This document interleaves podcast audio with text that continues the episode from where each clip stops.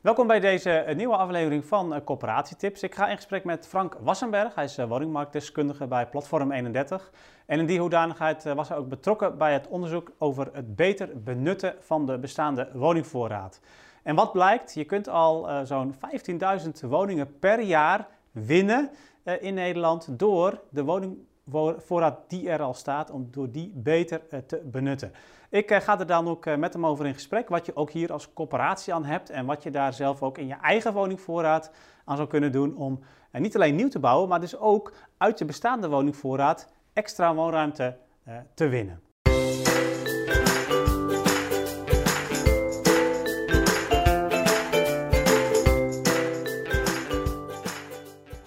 Ja, Frank, uh, welkom. Uh, dank dat je daar ook uh, iets over wilt vertellen. Ik, ik, ben als eerste wel even benieuwd, wat was voor jullie de aanleiding om hier ook onderzoek naar te doen? Dus het ja, beter benutten van die bestaande woningvoorraad.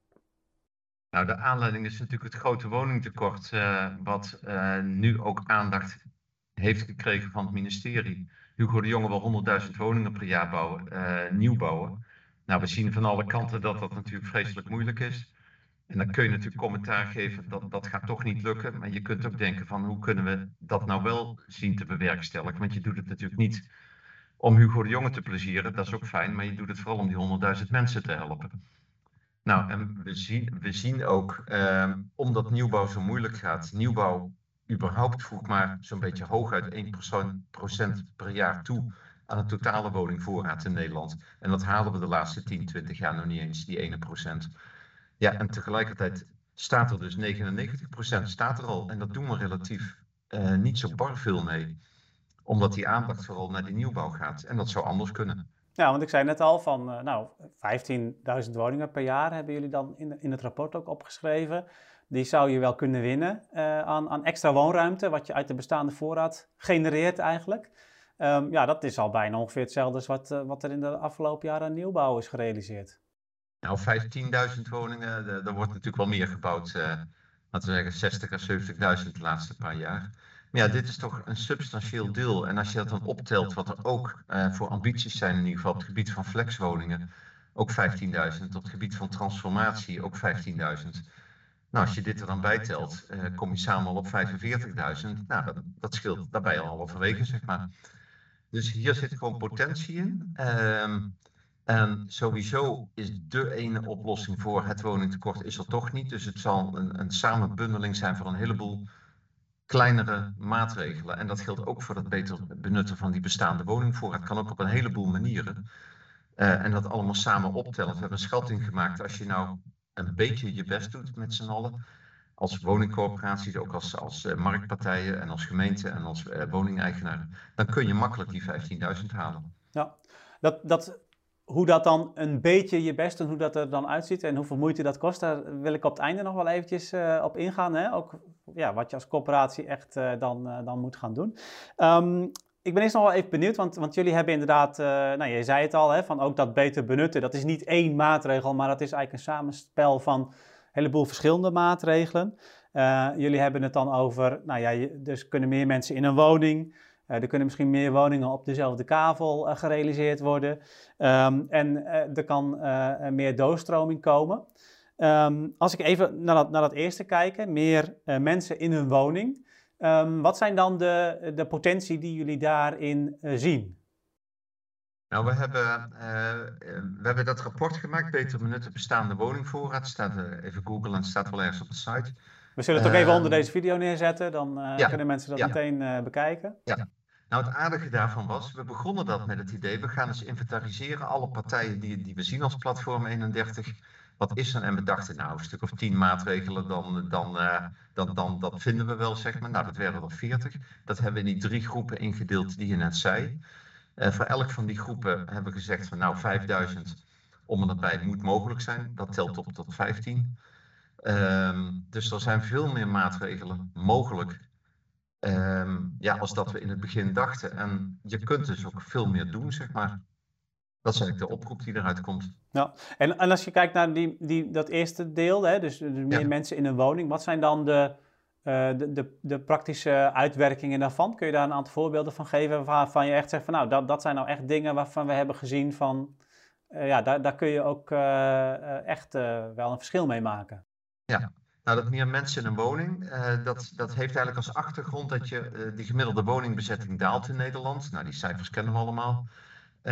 terwijl tegelijkertijd de gemiddelde woningen als je de laatste 100 jaar zo'n beetje kijkt, dat zijn de woningen die er nou staan, die zijn eigenlijk gemiddeld alleen maar groter geworden.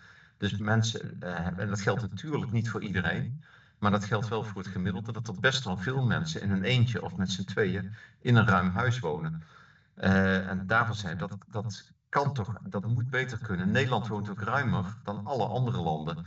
Het CBS heeft dat ook berekend, werd later een keertje bijgesteld, ze hadden een rekenfoutje gemaakt. Maar dan nog, Nederlanders wonen gemiddeld op 53 vierkante meter. In Duitsland, eh, Frankrijk, Engeland, België, dat zijn allemaal cijfers die ergens in de 40 vierkante meter zitten. Dus Nederland woont gemiddeld toch, laten we zeggen, 10, 15 procent ruimer. Dat verbaast ons überhaupt. Ik zelf dacht, in Duitsland staan de grootste huizen.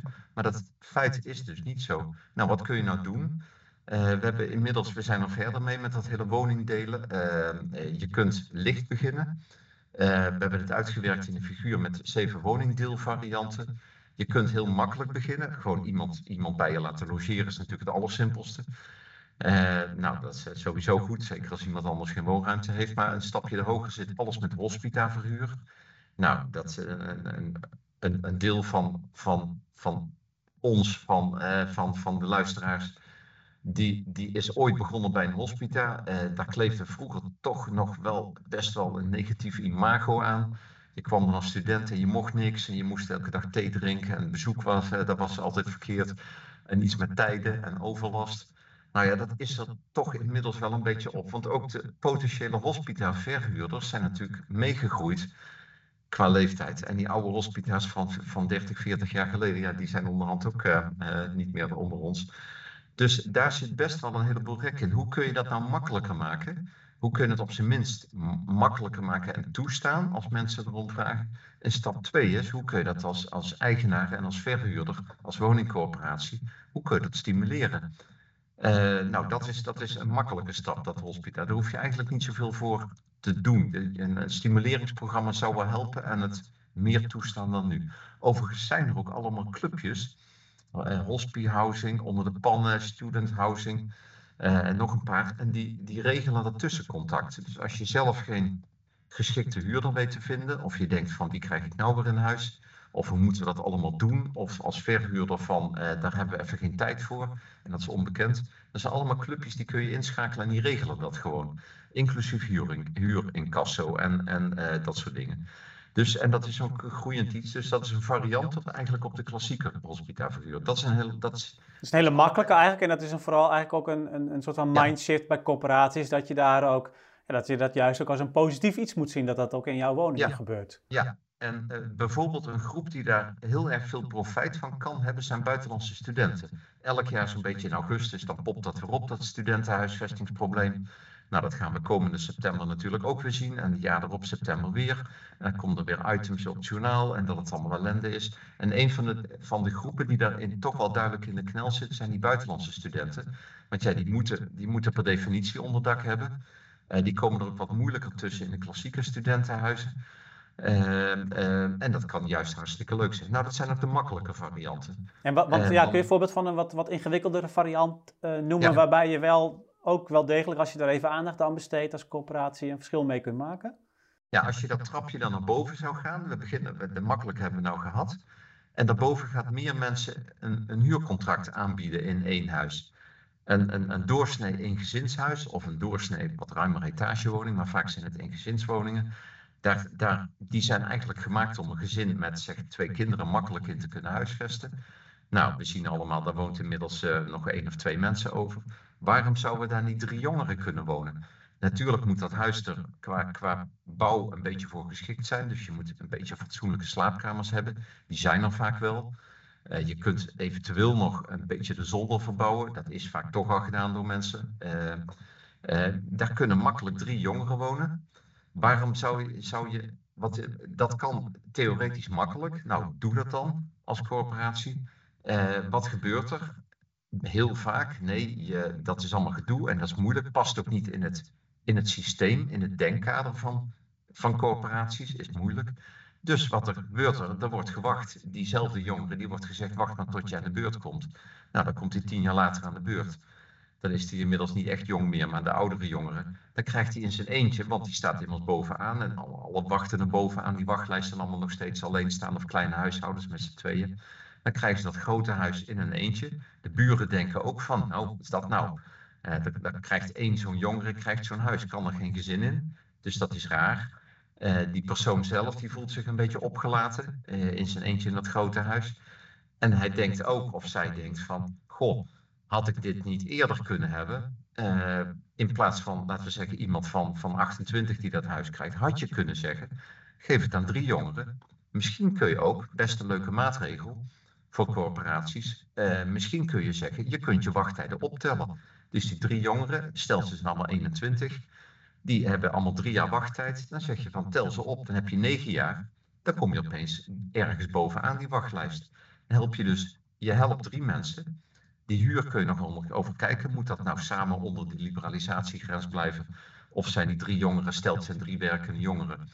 Je kunt er ook best iets meer voor vragen. Dan betalen ze nog steeds allemaal 300, 400 euro per persoon.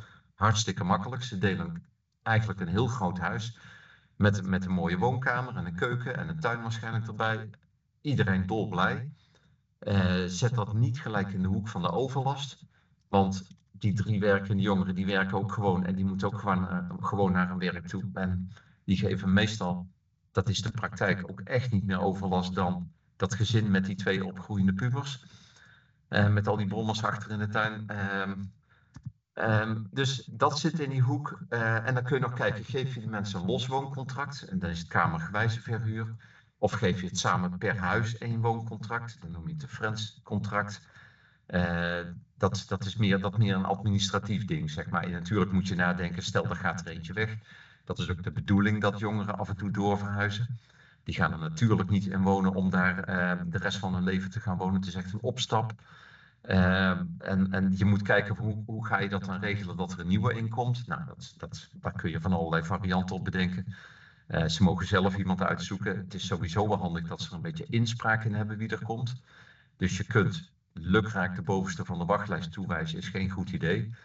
Want dan moet wel iemand zijn die erbij past en die dat ook wil alle, stel, zijn er drie, je moet wel een beetje iets van, van inspraak regelen. Nou, ik, ik, ik merk, ik merk uh, het, het, het, vraagt iets in het beheer, hè? maar, maar uh, ja, ik, ik, word er wel, uh, ik, ik, word er meteen enthousiast van, hè, zoals je het nu, nu vertelt. Dus ik denk dat dat ook wel leuk is om, ja, om, om, als coöperatie gewoon op te pakken, hè? om te, echt te kijken van, nou, hoe, hoe, hoe, hoe werkt dat? Er zijn nog een aantal andere maatregelen ook. Nou, die kunnen mensen natuurlijk ook allemaal in het rapport ik, ik, was nog wel even benieuwd ook, want dan, dan hebben we het niet meer over meer mensen in een woning, want er zijn nog, nou ja, daar heb je deze twee mooie voorbeelden van genoemd, maar er zijn nog meer voorbeelden ook. Maar um, jullie hebben ook gekeken naar hoe kun je nou meer woningen op dezelfde kavel realiseren. Ja. Dat is natuurlijk nog weer wat ingewikkelder. Uh, dan, dan, heb je wel weer, uh, ja, dan heb je wel weer in het beheer is het dan weer vervolgens wel zo dat je dan twee uh, losse of ja, losse, maar in ieder geval twee verschillende woningen hebt die je weer toe kunt wijzen aan verschillende huishoudens. Um, ook daarin ja, zijn weer meerdere opties mogelijk. Kun, kun je daar in die categorie nog eens noemen wat, wat, ja, wat jullie daarin zien? Wat, wat interessante opties zijn? Ja, nou, dat was die, die tweede groep van maatregelen, van de tweede van die 40 zeg maar. Dus elke maatregel zijn er iets van 13, 14.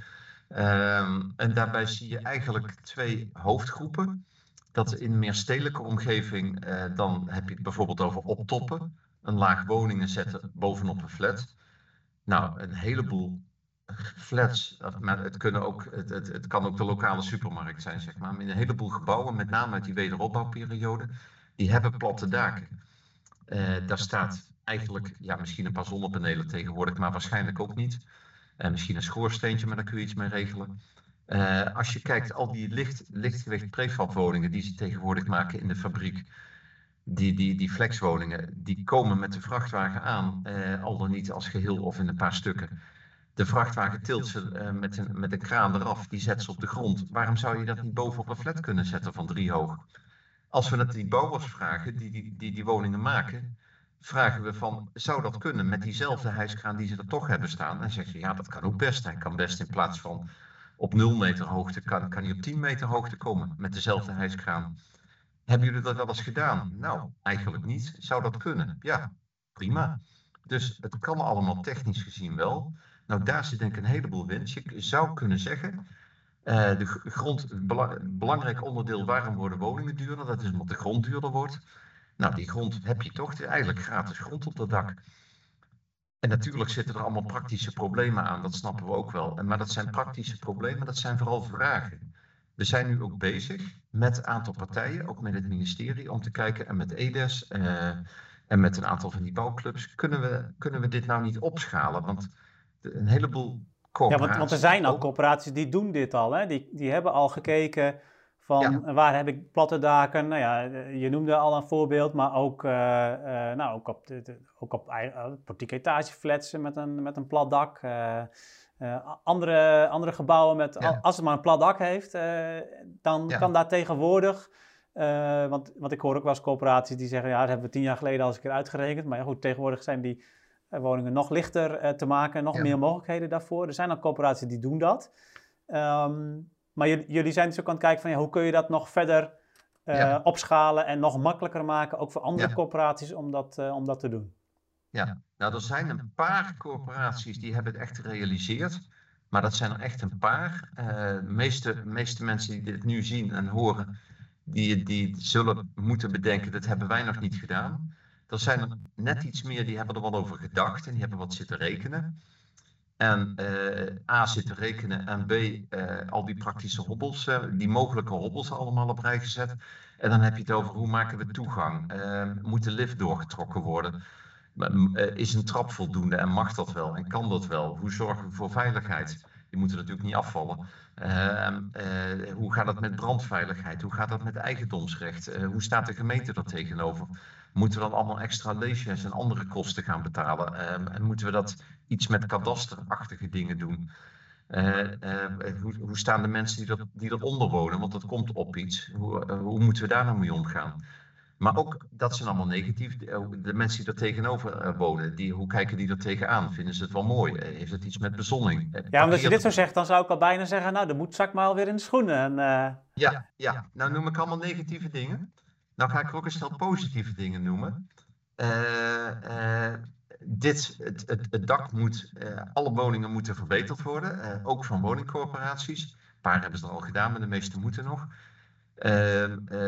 het dak moet dan, is dan sowieso aan de beurt. Ja, of je nou een dak oplegt van 20 centimeter dik, of je legt er een dak op van 3,20 meter dik, en het tussending noem je huis. Nou, dat, dat, en natuurlijk ligt er op dat nieuwe huis al een goed dak uiteraard. En als je slim bent, plak je er gelijk die zonnepanelen op. Uh, dus dat heb je ook gedaan. Uh, dus daar zit ook winst in. Uh, een, een, onderdeeltje, waar een, een, een, groot problematisch bestand in Nederland op het gebied van verduurzaming zijn alle uitgeponden woningen in VVE's, al die flatjes. wat je ziet bij alle corporaties, die dus ook een deel nog in bezit hebben, en überhaupt van al die, die flatjes, is dat er eigenlijk Ehm, eh, de, de kopers zijn meestal de mensen met weinig geld. Ehm, eh, die zonder veel aspiratie, zonder flink 50, 60.000 euro in te gaan verduurzamen. Dus wat er gebeurt is dat al die gespikkeld bezit, woningen die worden een beetje naar achteren geschoven. Uh, in, in VVE-verband. Nou, dat is ook een hele categorie waar winst te behalen is. Want als je een woning op een dak bijzet, levert dat in principe geld op. En met dat geld kun je bijvoorbeeld de rest van de woning verduurzamen. Kun je zo'n hele flat aanpakken. Kost het geen 50.000 euro, ik noem maar een bedrag hoor. Geen 50.000 euro, maar kan het veel goedkoper, of misschien komt het wel uit. Uh, door die, die extra woningen die toegevoegd zijn op die gratis grond op het dak. Dan kun je daar opeens wel een positieve business case uithalen.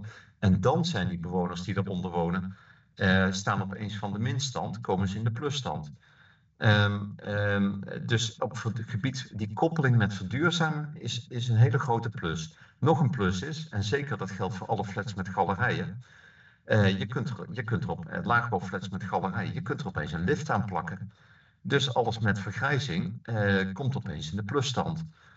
die bovenste laag, ja, daar, zullen, daar kun je natuurlijk ook seniorenwoningen maken, maar je kunt ook jongere woningen maken of mensen die geen probleem hebben met een trapje extra lopen. Eh, dan wordt de toegang opeens een stuk makkelijker.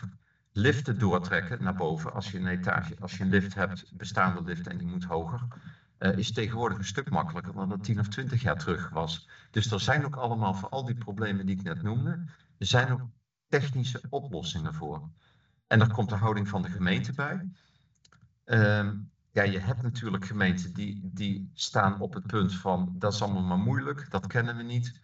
Dat levert geheid overlast op, daar gaan we niet aan beginnen. Uh, onze 3,5 ambtenaar hebben het al zo druk op het wonengebied. Uh, die heb je ook. En je hebt ook gemeenten die denken van, nou, dat zou wel eens een hoop woningen extra kunnen opleveren. Daar gaan we mee aan de gang. Nou, daar helpen we ook mee als platform 31 om de, laten we zeggen, de, de welwillende, die moet je natuurlijk wel hebben. En die welwillende heb je nodig op het gebied van gemeenten en van de gebouweigenaren, meestal corporaties, maar het kunnen ook marktpartijen zijn. Of het kan die supermarkt zijn, of wat dan ook. Om die bij elkaar te brengen. En als je dat samen wilt, en uh, uh, zeker met corporaties die er zelf al een beetje mee aan het rekenen zijn en aan het kijken zijn, daar kun je opeens een heleboel stappen naar voren zetten.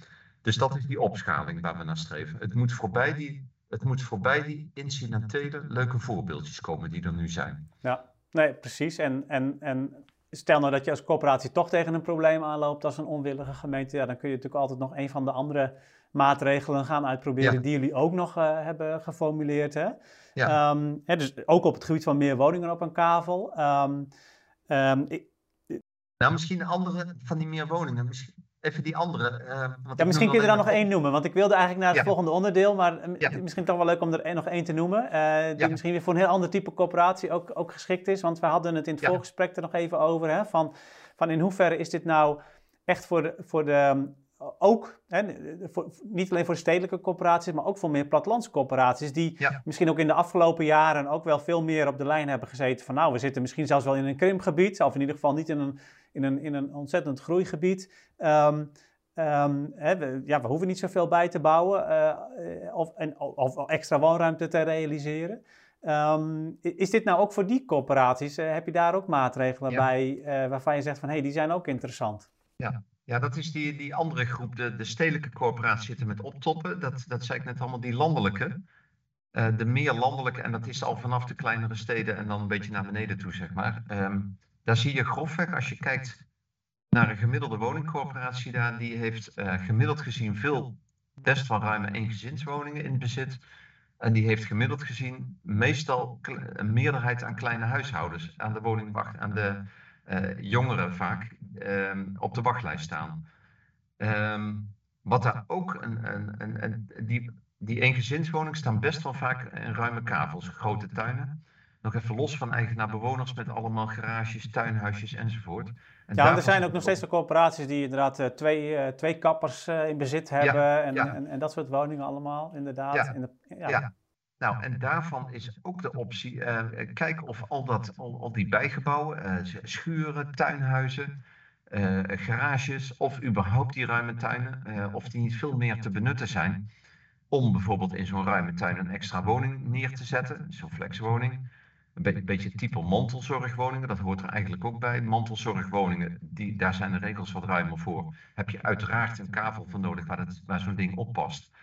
Nou, dat zou je kunnen verruimen naar alle woningen waar. En dan is het handig als je een achterom hebt. Nou, dat hebben woningen meestal op platteland wel. Een toegang aan een achterstraat of iets. Uh, dat, dat maakt het praktisch. Maar uh, kijk of je, of je uh, zo'n schuur, zo'n zo'n garage, of je dat niet kan bewonen. En de experimenten die daarmee gemaakt zijn, dat blijkt, die zijn er ook weer een paar, zeg maar. Dat kun je ook weer opschalen.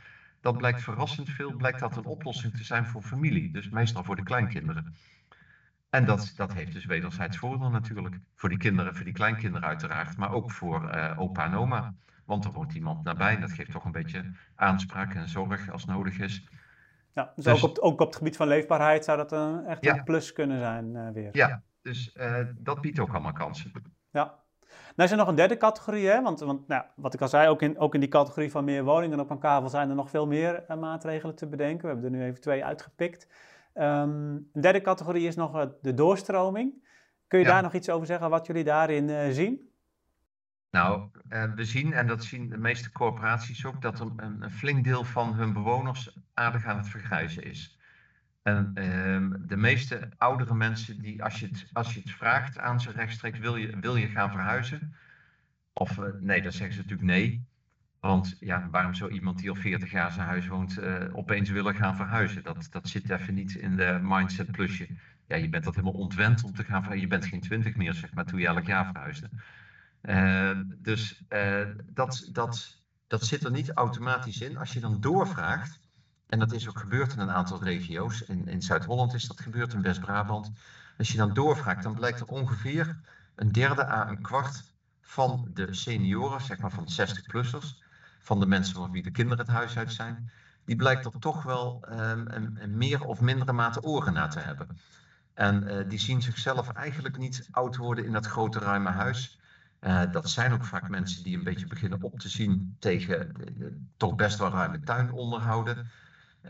Ja, dat, dat doet vaak wel iemand anders.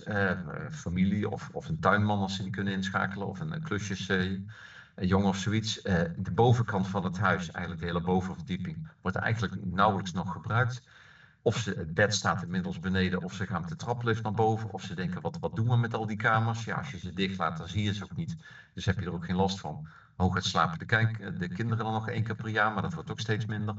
Dus eigenlijk wordt zo'n huis maar voor de helft gebruikt. Uh, en dat is eigenlijk doodzonde natuurlijk. Nou, dan kun je weer die eerste maatregelen gaan nemen door uh, iemand op kamers te nemen. Dat kan, moet je dat, als dat kan is dat prettig. Of als een huis vrijkomt, dan kun je het op een andere manier verhuren. Maar je zou kunnen denken, kun je, kun je mensen niet laten... Je kunt ze langer thuis laten wonen. En dan komen inderdaad de traplift en de zorg en de drempels weghalen. De beugels en de douche en nou, allemaal dat soort dingen. Je zou kunnen denken, kunnen we geen aantrekkelijker woonaanbod aanbieden? En eh, dan zie je ook dat wat corporaties vaak geschikte woningen noemen voor ouderen, ja, 90% daarvan is helemaal niet aantrekkelijk. Dus vanuit de corporatie gezien is 90% wel geschikt voor een oudere, maar dan gaat een oudere die nou in zo'n ruim huis woont, die gaat er niet naartoe verhuizen. Dus je moet aantrekkelijke woningen bijbouwen. En je zou kunnen kijken, de woningen die je bijbouwt, moeten dat niet veel meer woningen zijn. Voor ouderen moet je dat niet veel meer prettig en aantrekkelijk maken. En die woningen kunnen dan qua maat zeg maar half zo groot zijn, want de helft wordt toch niet gebruikt van het huis. Worden natuurlijk super ouderen aantrekkelijk en geschikt gemaakt. Uh, vraag het al je ouderen wat ze zouden willen. Doe dat niet te, te benepen voor qua, qua kamers. Een hoop ouderen willen toch een extra kamertje erbij. Als hobbykamer of inderdaad als slaapkamertje. Nou, Maak dat, doe dat. In totaal is zo'n huis half zo groot en zeker die tuin. Die tuinen kun je delen. Je kunt voorzieningen ook delen. En met iets van gezamenlijke ruimte. Dat zie je op het ministerie uh, van, uh, van Wonen, van Volkshuisvesting. Dat, zet nou in ook op woningen voor ouderen. Er zitten behoorlijke ruime aantallen voor geclusterde woningen. En voorzieningen ook. Daar zijn ook mogelijkheden voor. Uh, die, die, die, die uh, knarrenhofjes, die term wordt vaak genoemd.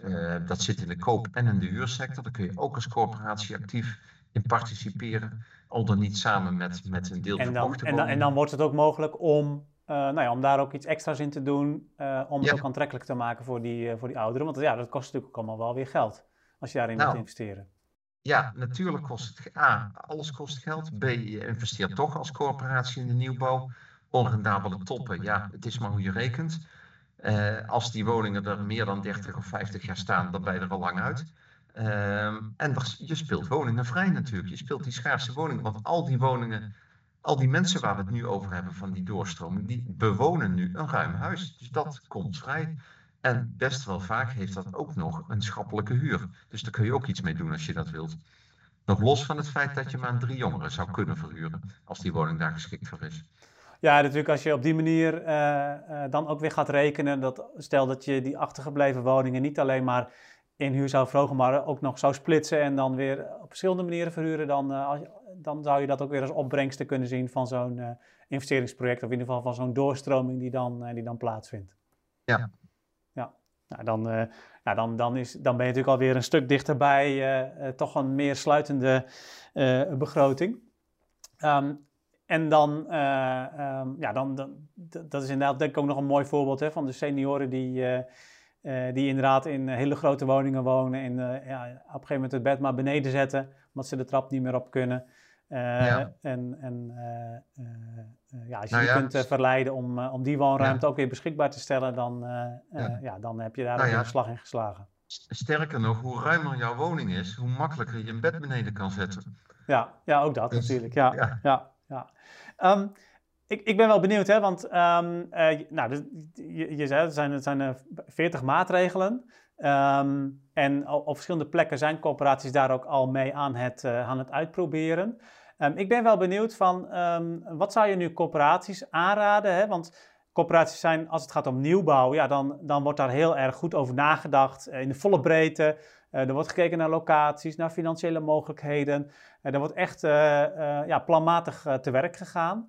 Terwijl ik zelf het idee heb van, goh, aan die kant van het beter benutten van de voorraad, ja, dan we doen wel eens een keer een experiment, maar dat is toch een beetje hapsnap nog steeds. wat zou je nou corporaties aanraden die echt, zeg maar, daar ook op een meer gestructureerde wijze, dat, dat ze daarmee aan de slag willen? Um, net zoals je ook met nieuwbouw heel gestructureerd aan de slag bent. Wat zou dan een eerste stap zijn voor corporaties? Wat, wat zou je die corporaties aanraden om te doen? Nou, misschien kun je op alle drie die hoofdgroepen uh, kun je actief wat doen. Neem die laatste doorstroming uit die ruime woningen. Die staan met name in die naoorlogse wijken. Daar hebben corporaties ook veel bezit. Die wijken uit de jaren 60, 70, 80 en zo. Daar zou je kunnen kijken, kunnen we daar nou niet heel specifiek... Dat zijn ook wijken waar in de historische zin vaak niet zoveel gebeurd is. In totaal wonen er veel minder mensen nog dan dat er ooit woonden. Ga daar nou eens heel precies kijken, kunnen we nou niet kleine complexjes voor ouderen, die kunnen er in hun eigen buurt blijven wonen, bijbouwen, zodat je op die manier die woningen vrij speelt. En natuurlijk kun je die, die, die kun je met voorrang toewijzen aan, laten we zeggen, de meest geschikte uh, bewoners. Dus de, mensen met de ruimste woningen. Uh, nou, dat kun je. Eh, kijk gewoon in al die naoorlogse wijken wat daar mogelijk is. Daar wonen je klanten, zeg maar. En vraag wat ze, op welke manier ze zouden doorstromen. Nou, dat is een hele concrete actie. En dat, geldt dus, en dat zijn kleine actietjes, maar bij elkaar opgeteld best veel. Kun je in elke wijk doen. Nou, dat is één. Tweede is uh, die woningen delen.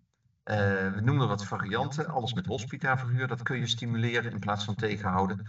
Of je gemeente samen mee optrekken om dat netjes te regelen. Je kunt het nadenken, moeten we niet meer alleenstaande jongeren, en dat hoeven dan mensen van acht, kunnen mensen van 18 zijn, maar ook juist die groep erboven met een eerste baan.